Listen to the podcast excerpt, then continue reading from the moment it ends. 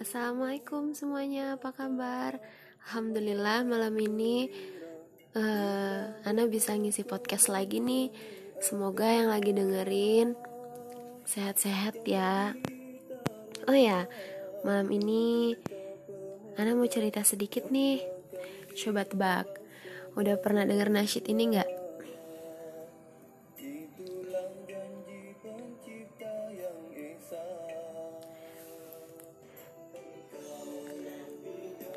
Dari dalam surga bersemayam di mahligai bahagia. Oke, okay, malam ini insya Allah Ana akan cerita tentang Ainul Mardia, masya Allah. Kita dengerin nasyidnya sebentar ya. Menjadi cermin tamsilan kendiri untuk melakar satu wacana.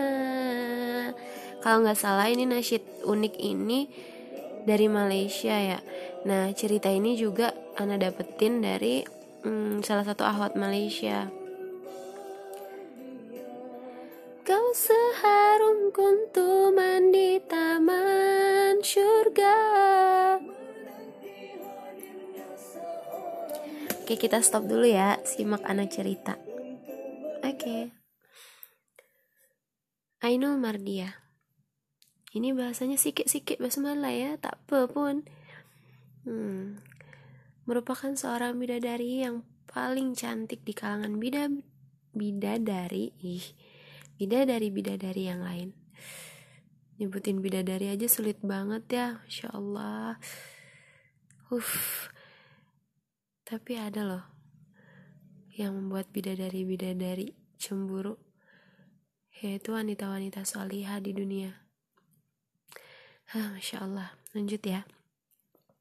Suatu pagi, dalam bulan Ramadan, ketika Rasulullah memberi target atau berita-berita semangat di kalangan para sahabat untuk berjihad, Baginda berkata, Sesiapa yang keluar di jalan Allah, kemudian tiba-tiba dia syahid, maka dia akan dianugerahkan seorang bidadari yang paling cantik di kalangan bidadari-bidadari surga.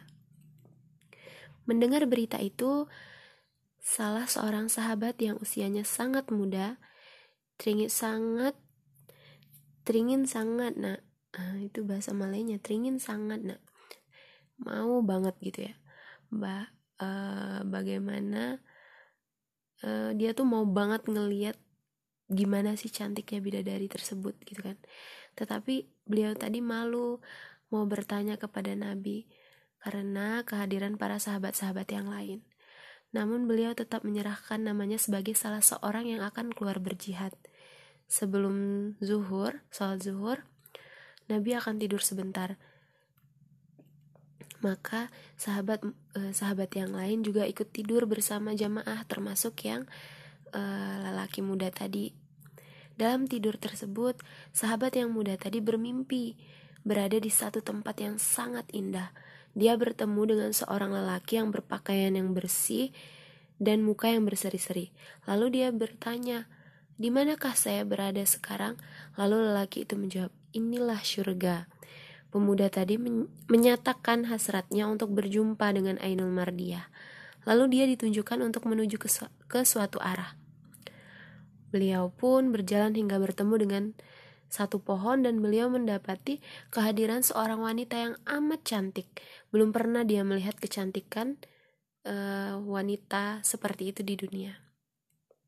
Dia memberi ucapan salam kepada wanita tadi dan bertanya, Andakah saudari Ainul Mardiah? Wanita itu menjawab, Eh, bukan, saya adalah khodamnya. Khodam itu kalau nggak salah Pembantu ya, pembantu. Ainul Mardia sedang berada di dalam singgasana sana, katanya. Lalu dia berjalan lagi dan memasuki satu mahliga yang cukup indah. Di sana dia mendapati ada seorang lagi wanita yang kecantikannya berganda-ganda dari yang pertama tadi, sedang mengelap permata-permata perhiasan di dalam mahligai. Pemuda itu pun memberi salam lagi, kemudian bertanya, Adakah saudari ini Ainul Mardia? Maksudnya, apakah anda ini eh, saudari Ainul Mardiah?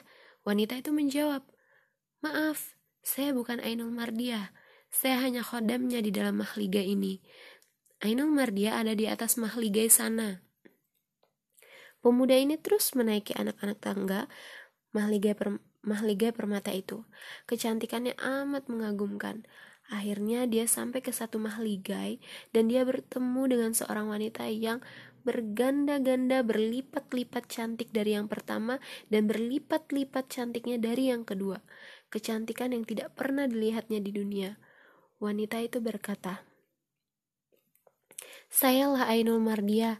Saya diciptakan untuk saudara dan saudara diciptakan untuk saya. Bila bila pemuda itu mendekatinya, wanita itu menjawab, "Eh, tunggu dulu. Saudara belum syahid." katanya seperti itu. Pemuda itu tersentak dan terus terjaga dari tidurnya. Kemudian dia menceritakan segala-galanya kepada seorang sahabat lain. Namun dia berpesan agar tidak menceritakan mimpinya ini kepada Nabi. Andainya syahid uh, andainya seandainya ini karena bahasanya bahasa Malay ya jadi agak agak ribet uh, seandainya dia syahid barulah uh, sahabatnya tadi boleh menceritakan kepada Nabi sore itu pemuda itu ikut serta keluar berperang bersama Rasulullah dan pasukan tentara tentara Islam ditakdirkan pemuda itu syahid setelah hampir waktu berbuka puasa semua jamaah pulang ke masjid mereka bersama-sama menunggu makanan untuk berbuka. Maka eh, sahabat yang pemuda tadi, yang syahid tadi, hmm, mendekati Rasulullah, mendekati Nabi dan menceritakan perihal sahabatnya yang syahid tadi. Rasulullah mengucapkan benar, benar, benar dalam sepanjang cerita tersebut. Akhirnya Rasulullah berkata, Memang benar cerita sahabat kamu tadi, dan sekarang ini dia sedang menunggu untuk berbuka puasa di surga Masya Allah Wallahu alam bisawab Uh, dari cerita tadi Indah banget ya. Uh, Ainul Mardia itu uh, Hadiah buat para pemuda-pemuda yang syahid. Kita selesaiin nasyidnya sedikit ya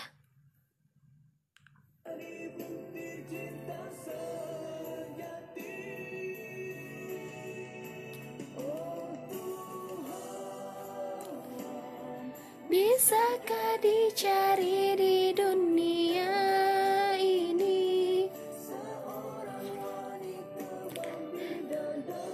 Uh, Syukron udah mau dengar. Kapan-kapan Nana akan cari cerita lagi.